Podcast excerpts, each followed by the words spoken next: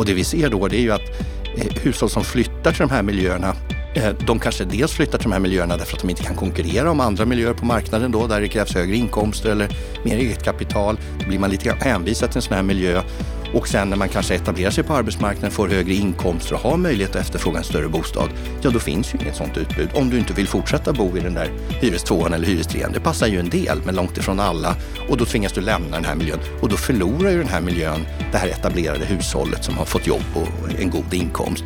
Och så fylls det återigen på med någon som flyttar dit och som har en svag förankring på arbetsmarknaden. Det är det man brukar kalla för den här lyckoparadoxen. Vi får, vi får en successiv försvagning av den här miljön när den dräneras på lite socialt starkare hushåll och vi, det flyttar in då socialt svagare hushåll. Och det kan vi nog bara bryta tror jag genom att tillskapa ett bostadsutbud som attraherar bredare hushållsgrupper helt enkelt. För att lösa boendesegregationen i utsatta områden så krävs det att politiken riktar in sig på bostäderna och bostadsutbudet i de här områdena. Totalt så finns det 61 områden i Sverige som är utsatta, som är riskområden eller särskilt utsatta områden.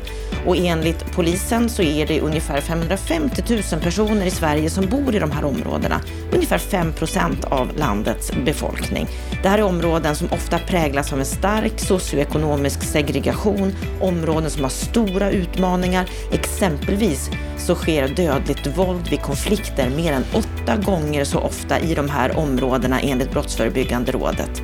Och övergripande, långsiktigt, så är polisens mål att det i framtiden inte ska finnas några utsatta områden alls. Men hur ska det gå till? Ja, en ny rapport som har genomförts av Evidens på uppdrag av HSB och Veidekke visar på bostadsutbudets stora och avgörande betydelse. På vilket sätt då? Ja, här ska du få höra ett samtal med Ted Lindqvist, VD på Evidens, som alltså har gjort den här rapporten. Och sen ska du också få höra Anna Heide som är affärsutvecklingschef på Trianon i Malmö och Johan Nyhus som är förbundsordförande i HSB. De förklarar vikten av det här arbetet, vikten av det rapporten har kommit fram till. Varmt välkommen till oss på Bopolpodden. Ett intressant, ett otroligt angeläget ämne den här veckan. Jag heter Anna Bellman.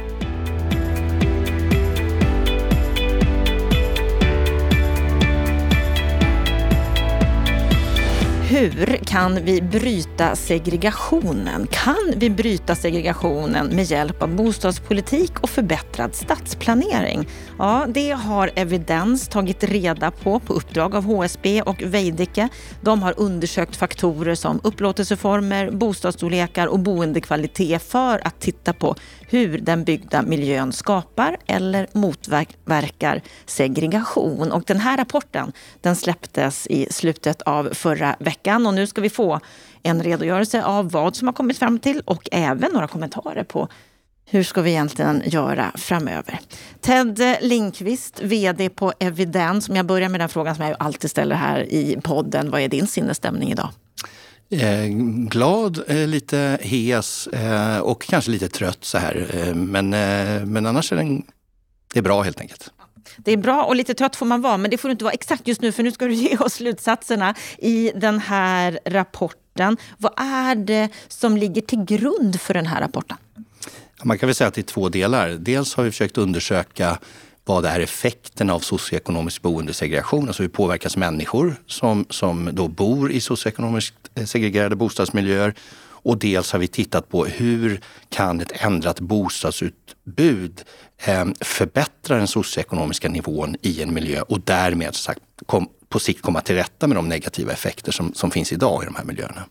Och när du säger socioekonomisk segregation, vad menar du med det? Ja, då menar jag sådana saker som handlar om hushållens inkomster, utbildningsnivå, förvärvsgrad eh, och så vidare, hälsa och så vidare. Och, det, och det, där finns ju väldigt mycket forskning då som visar att om man exponeras under lång tid för väldigt svaga sociala nätverk så kan det då påverka ens möjligheter att få ett jobb, eh, få bättre inkomster, till och med hälsan kan påverkas negativt. Så att, så att det är viktigt att eh, om, om vi ska säga, ha ett jämlikt samhälle så är det viktigt att, att barn och ungdomar som växer upp eh, får tillgång till samma starka sociala nätverk som, som barn som inte bor i de här miljöerna. Annars kommer deras livschanser att påverkas negativt. Och just när det gäller barn och ungdomar, hur påverkas de? Alltså, det börjar redan i skolan där man kan se att forskningen då visar att Ehm, skolresultaten i de här miljöerna är sämre än i andra miljöer. Ehm, det är färre som går vidare till gymnasiet, det är färre som klarar gymnasiet och det är färre som har eftergymnasial utbildning. Och med den arbetsmarknad vi har idag så innebär det också då att sannolikheten att bli sysselsatt blir lägre och de arbeten man kan söka har oftast lägre inkomstnivåer. Så sammantaget så på lång sikt ger det här negativa effekter, både för hushållen men också för samhället. Och hur många områden är det vi pratar om?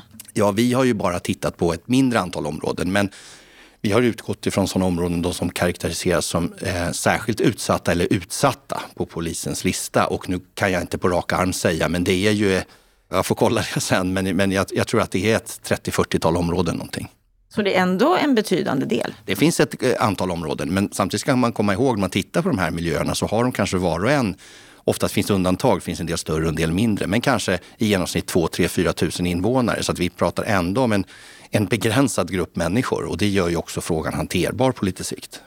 Hanterbar i bemärkelsen att det går att lösa det här? Ja, men jag tror det. Ehm, nu är ju inte ett bostadsutbud och förändring av ett bostadsutbud den enda frågan man måste hantera. För som vi sa, det liksom, finns en bredd av problematik. Men jag tror att det börjar där på lite sikt. Om vi får en, en, en bättre sammansättning av hushållen eller en starkare social nivå eh, och, och med en genomsnittlig sammansättning av hushållen i de här miljöerna, ja men då kommer vi också få eh, mindre bekymmer med arbetslöshet, med eh, högt beroende av transfereringssystem, med sämre skolresultat eh, och så vidare. Så att jag, jag, tror att det här är grunden. Det är en strukturell variabel som tar tid, men jag tror att den är nödvändig och forskningen visar också att mycket av de insatser man har gjort, de har varit mer projektorienterade, mer individinriktade och det kan ha varit väl så bra för för vissa så att säga, eh, saker och för enskilda individer. Men det har liksom inte skapat några långsiktiga bestående effekter. Eh, och ska man få det, då tror jag att man behöver jobba med just bostadsutbudet och den fysiska miljön. För att den, det visar också forskningen att den sorterar oss hushåll utefter vår, vår valmöjlighet, våra inkomster i praktiken, i olika delar av staden. Och då måste vi se till att det finns attraktiva stadsdelar överallt. Sen kan inte allt så att säga ha samma attraktivitet och det finns bara ett centrum och så vidare. Men vi kan jobba och lyfta de miljöer som idag saknar egenskaper som många eh, genomsnittliga hushåll då, eh, eh, värdesätter. Och vad är det då konkret man ska göra? Eh, jag tror att det man behöver göra det, för tittar vi på de här miljöerna så, så det man ser är ju att väldigt många av dem har inte alla, men många av dem är ganska perifert belägna. Det, är ganska långt till stadens centrum. Det är ett ganska svagt utbud av service. Man kanske inte direkt har tillgång till vatten och kajer som många av oss uppskattar. Ehm, så att man behöver helt enkelt jobba med de variabler som är möjliga att påverka. Och den, den variabeln som vi kan påverka, en miljö, en miljö ligger där den ligger, men det är ju bostadsutbudet. Och idag karaktäriseras många av de här miljöerna av ett ensidigt bostadsutbud. Nästan allt är, är hyresbostäder och vi vet också att de domineras av hyresbostäder från 60-70-talet. Vi tenderade att bygga en väldigt stor andel tvåor och treor under den här perioden. Och tittar vi på väldigt många hushåll idag så kanske man drömmer om att bilda familj. Man kanske vill ha både två och tre barn och när de blir tonåringar kanske de ska få ha ett eget rum eller åtminstone bo i källaren eller vad det nu kan vara. Det är helt enkelt många hushåll som helt enkelt vill ha ett småhus eller ett radhus eller ett parhus eller ett kedjehus eller en bostadsrätt. De har ju idag inget bostadsutbud som attraherar dem i sån här miljö. Och det vi ser då det är ju att eh, hushåll som flyttar till de här miljöerna Eh, de kanske dels flyttar till de här miljöerna därför att de inte kan konkurrera om andra miljöer på marknaden då, där det krävs högre inkomster eller mer eget kapital. Då blir man lite grann hänvisad till en sån här miljö. Och sen när man kanske etablerar sig på arbetsmarknaden, får högre inkomster och har möjlighet att efterfråga en större bostad, ja då finns ju inget sånt utbud. Om du inte vill fortsätta bo i den där hyrestvåan eller hyrestrean. Det passar ju en del, men långt ifrån alla. Och då tvingas du lämna den här miljön. Och då förlorar ju den här miljön det här etablerade hushållet som har fått jobb och en god inkomst. Och så fylls det återigen på med någon som flyttar dit och som har en svag förankring på arbetsmarknaden. Det är det man brukar kalla för den här lyckoparadoxen. Vi får, vi får en successiv försvagning av den här miljön när den dräneras på lite socialt starkare hushåll och vi, det flyttar in då socialt svagare hushåll. Och det kan vi nog bara bryta, tror jag, genom att tillskapa ett bostadsutbud som attraherar bredare hushållsgrupper helt enkelt. Och, och så, så det blir då ett problem, inte upplåtelseformen i sig, utan den begränsningen till en upplåtelseform och begränsningen till eh, ett fåtal bostadsstorlekar. Det blir så att säga eh, ett bostadsutbud då som stora grupper eh, som har kommit långt på arbetsmarknaden då helt enkelt inte är särskilt intresserade av. Så att vi måste tillföra fler större bostäder, fler bostadsrätter, fler småhus, radhus eh, och så vidare. Men även jobba med hyresrätten. Jag menar, du har ju alltifrån den nya moderna hyresrätten eh, till den äldre då, eh, orenoverade med lite lägre hyra. Så det handlar ju om en, en bredd i produktutbudet även där. Så att säga. Vi ser att det får, får sådana effekter. Men de största effekterna, positiva effekterna på inflyttning av starkare hushåll, eh, det får vi när vi kan tillföra fler upplåtelseformer. Eh, och, och, och jag tror att det är det som är i någon mening lösningen på lång sikt. Att normalisera bostadsutbudet här. Om det ser ut som det gör i stora delar av övriga samhället, ja då kommer också hushållssammansättningen långsiktigt att börja likna hushållssammansättningen i stora delar av samhället. Det blir i någon mening inte svårare tanken så. Sen är det här svårt att åstadkomma och det är därför det behövs politik både på kommunal nivå och på statlig nivå. Och svårigheten ligger ju i att många av de här miljöerna då, eh, som jag sa inledningsvis, de karaktäriseras av egenskaper som inte Eh, är lika konkurrenskraftiga som andra miljöers egenskaper är. Därmed har man en ganska låg betalningsvilja och de som redan bor där har dessutom en låg betalningsförmåga. Eh, och det gör det att, att vi matchar inte riktigt mellan produktionskostnader och priser på marknaden här. Det vill säga att bygger jag något så kostar det mer att bygga än vad jag kan sälja det för eller hyra ut det för. Och där finns det ett utrymme för politik. Kan vi på olika sätt bedriva en mark och exploateringspolitik från kommunens sida som gör att vi kan hålla nere exploateringskostnader, infrastrukturkostnader och så vidare så det är värdefullt. Det kan vara de där sista tusenlapparna som, som spelar roll för att få ihop kalkylen. Men kanske också i vissa miljöer i, i Stockholm och Göteborg finns det trots allt ganska höga eh, priser och, och, och, rimligt hög betalningsvilja i många miljöer. Men om vi tittar ut i landet så är det ju många miljöer där betalningsviljan och förmågan är långt under produktionskostnader. Och då behöver vi, precis som man har identifierat på hyresrättssidan tidigare, där man har haft ett investeringsstöd som då har möjliggjort att man har kunnat bygga hyresbostäder exempelvis till lite lägre hyra. Det har ju då inneburit att det har tillkommit bostäder där det annars kanske inte skulle tillkomma bostäder. Men man har säkert byggt en del med investeringsstöd där man hade byggt ändå också. Men, men, men ändå det är ett grundproblem och där tror jag staten har, har en roll. Kan vi eh, stabilisera de här miljöerna genom att bygga nya bostäder, kanske med ett eh, anpassat modifierat investeringsstöd riktat till sådana här miljöer, riktat också eller breddat till fler upplåtelseformer där man kan hantera den här skillnaden mellan kostnader och, och marknadspriser eller, eller, eller nyproduktionshyror. Då, då får vi bättre möjligheter. Så det är ett sätt att göra det. Ett annat sätt att göra det, det är ju att underlätta för fler hushåll att äga en bostad. Det kan man göra genom att både köpa en, men man kan också ombilda befintliga hyresbostäder. Eh, det har visat sig svårt i sådana här miljöer. Det är stora hus, det är många hushåll som måste tycka att det här är en bra idé och dessutom måste många, många hushåll vara välkomna på banken och det är man sällan. Eh, och då kanske man också kan använda en del av det här stödet till en sån här ny bostadsförening. Och, och det här är saker vi bara resonerar lite om på slutet. Det behöver man göra mer analyser av. Är det här bra förslag eller inte? Men jag tror att man får vända och vrida på, på alla stenar som det nu för tiden heter. Och det finns mycket man kan göra. Och jag tror också den statliga bostadspolitiken kan fundera över de här startlånen kan man ha särskilda villkor. Man kanske kan tillåta lite högre belåningsgrad. Man kanske kan tillåta lite längre amorteringsfrihet i en sån här miljö. Eh, det kommer ju aldrig hota den finansiella stabiliteten därför att det är ett begränsat antal hushåll. Eh, utan det är väl mer att man inte ska komma i allvarlig konflikt med vanlig konsumentlagstiftning. Det vill säga man får inte ta på sig ett lån som man inte kan hantera. Men, men det är ju bankerna vana att göra. Så att, säga. Så att jag, jag, jag, nämner de här förslagen mer som idéer. Vill man så går det tror jag. Eh, och, och återigen då, det är ett begränsat antal miljöer, det är ett begränsat antal hushåll. Men det har stora negativa effekter för många, särskilt barn och ungdomar om vi, om, om vi inte gör någonting. Och det måste tror jag politiken väga in i det här.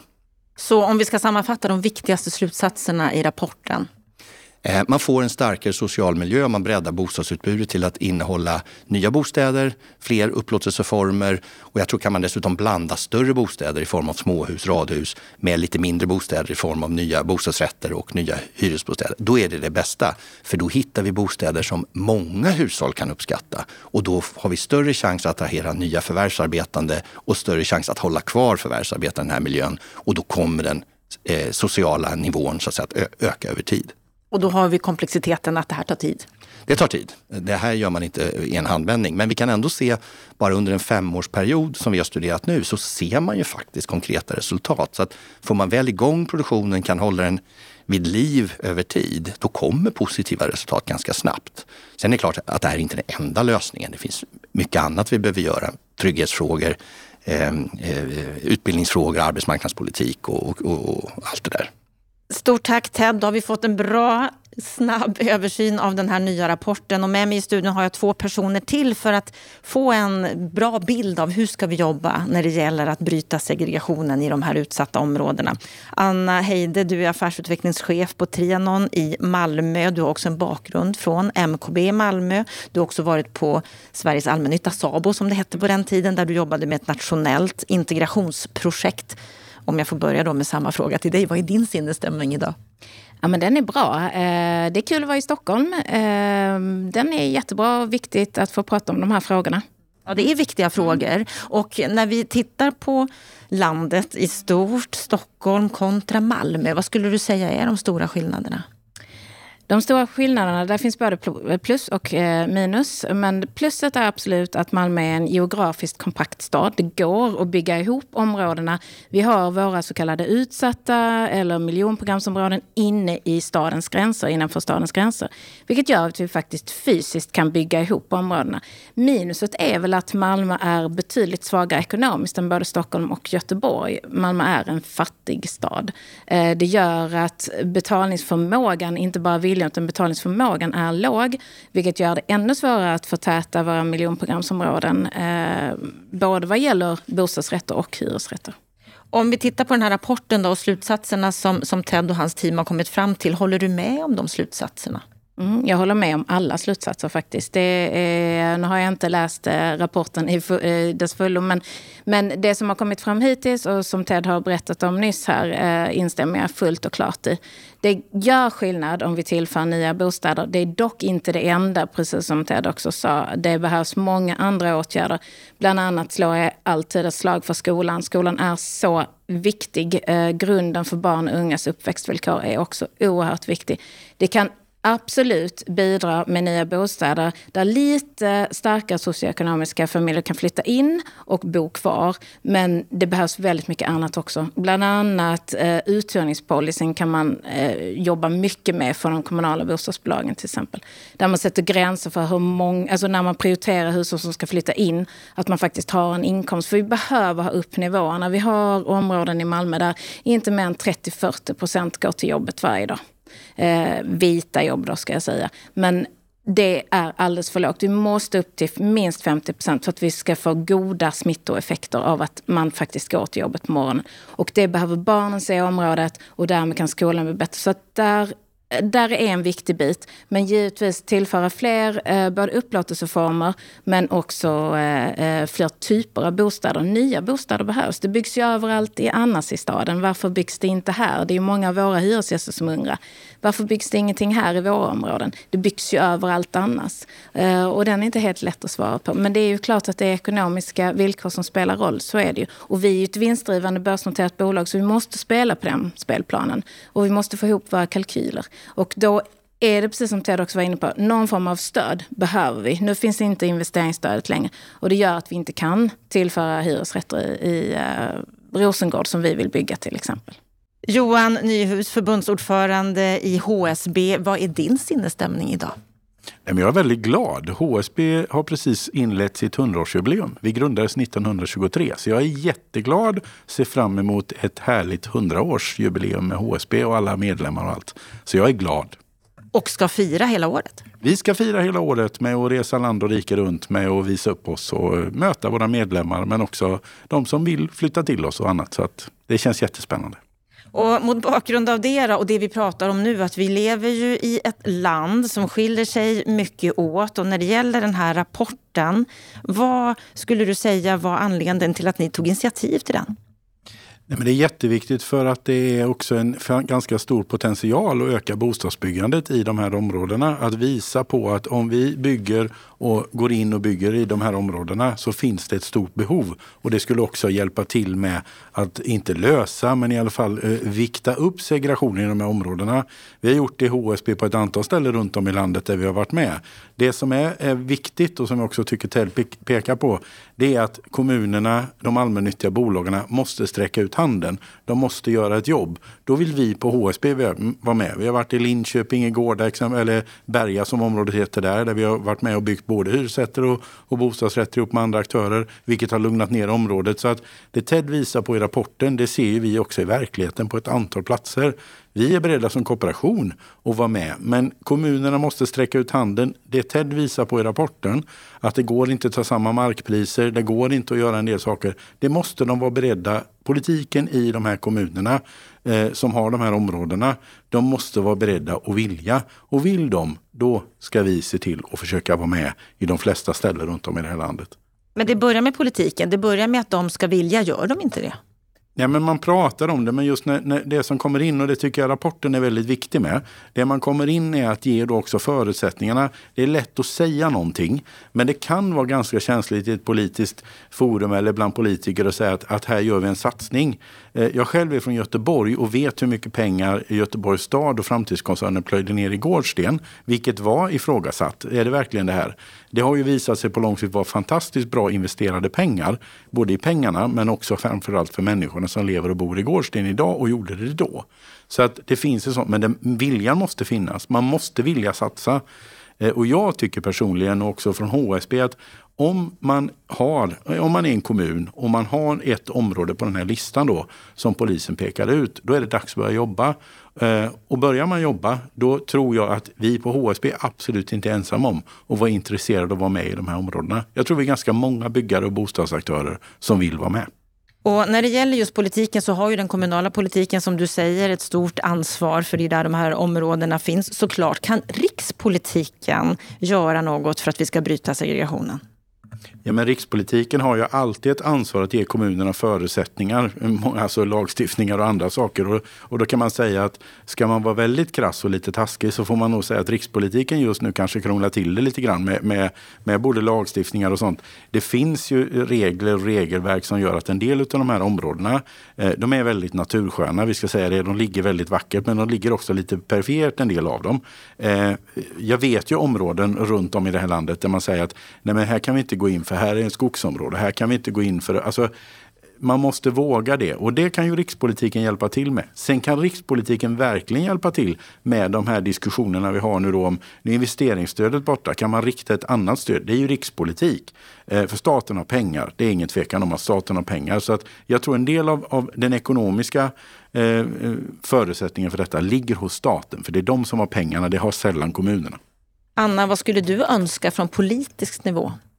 Men det är väl mångt och mycket eh, samma både för bostadsrätt och vi vill ju tillföra bostadsrätter eftersom till exempel i Rosengård så har man ju delat hela området. Det finns en bostadsrättssida med stora HSB-föreningar och sen finns det en hyresrättssida.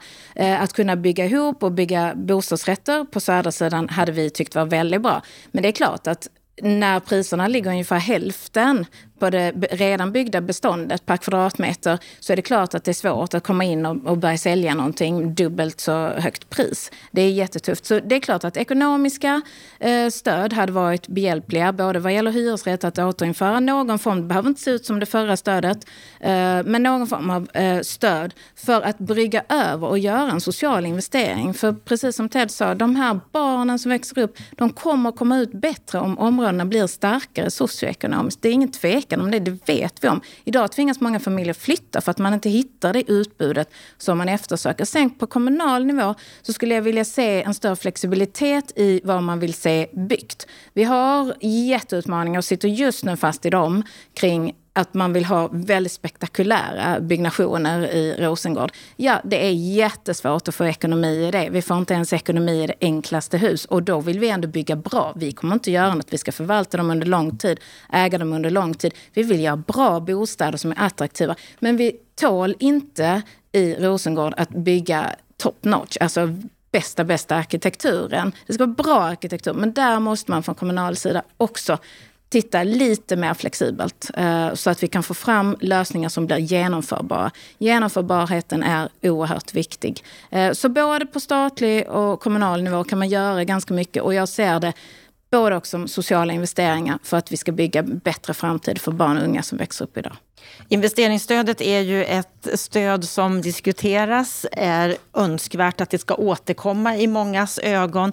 Vissa påstår ju då att det här kan vi ju specialanpassa för det här området. Du var ju inne på det Ted. vad, vad säger du om det Johan? Skulle, skulle det vara behjälpligt framåt?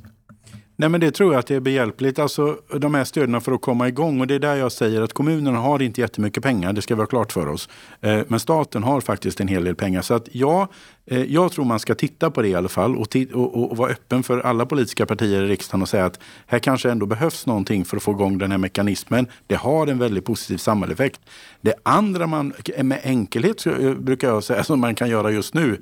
Eh, jag har varit en stor ivrare efter den här utredningen om startlån kom in. Där kan man också nu lägga pengar för att det här kommer vara grupper som vill flytta i, inom område men också till område som kanske, precis som Ted säger, har lite svårt att, att banken säger okej okay på, på första gången. Så att säga. Så startlånet, det hinner de faktiskt göra den reformen nu så att den kan börja verka när vi börjar bygga. Så att här finns två saker staten kan sätta igång i en stor politisk bred enighet i riksdagen direkt. Så att det kan vi skicka med till dem.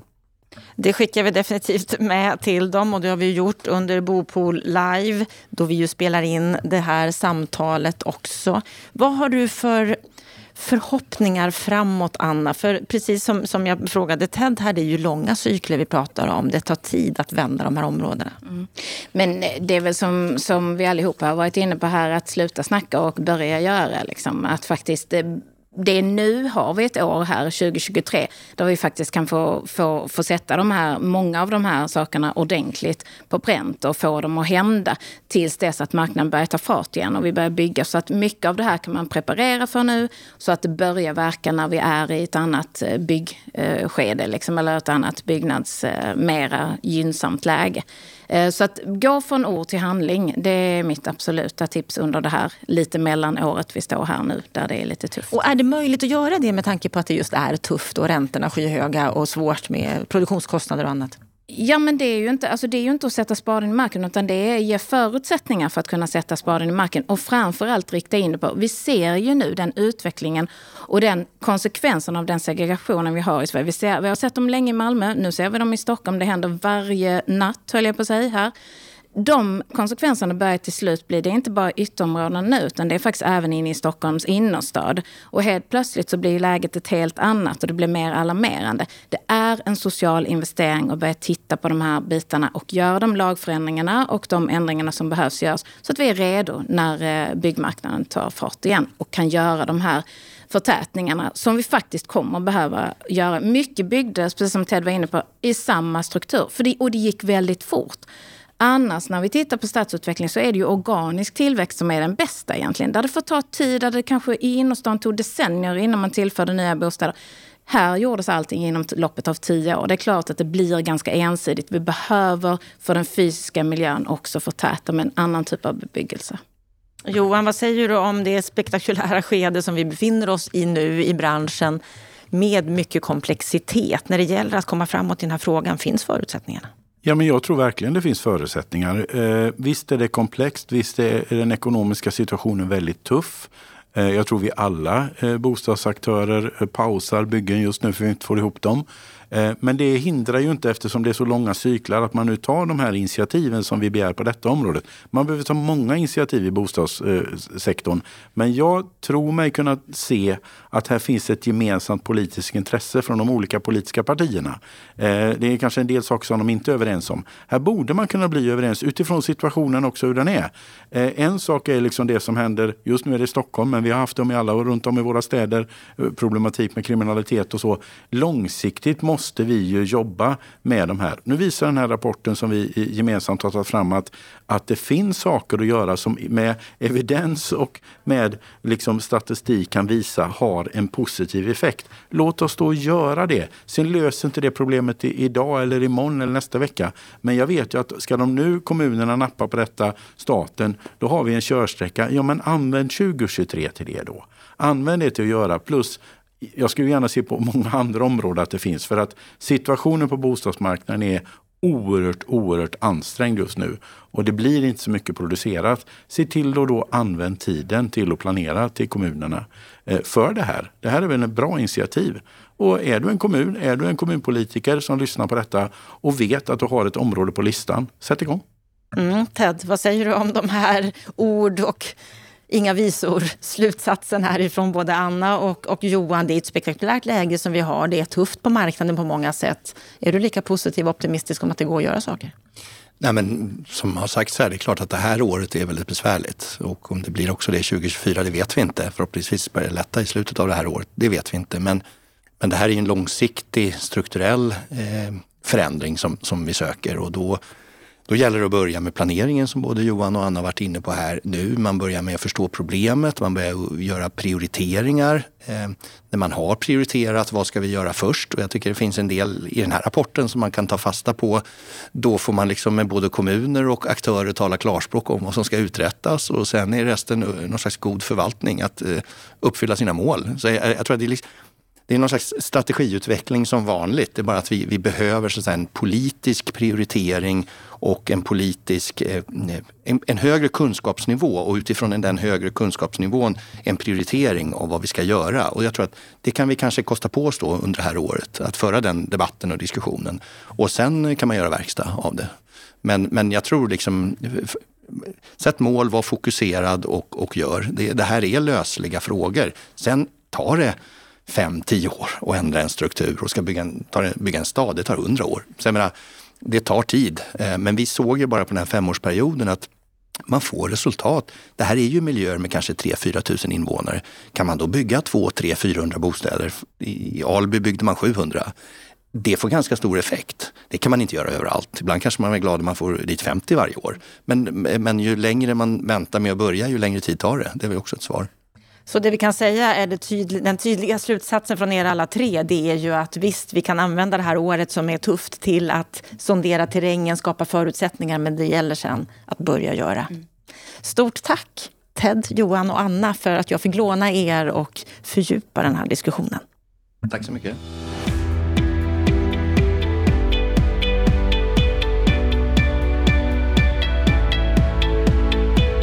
Ja, då har vi fått en genomgång av rapporten av Ted Lindqvist, också hört kommentarerna ifrån Anna Heide och Johan Nyhus. Stefan Attefall, vad, vad är din känsla när du hör det här samtalet om den här rapporten?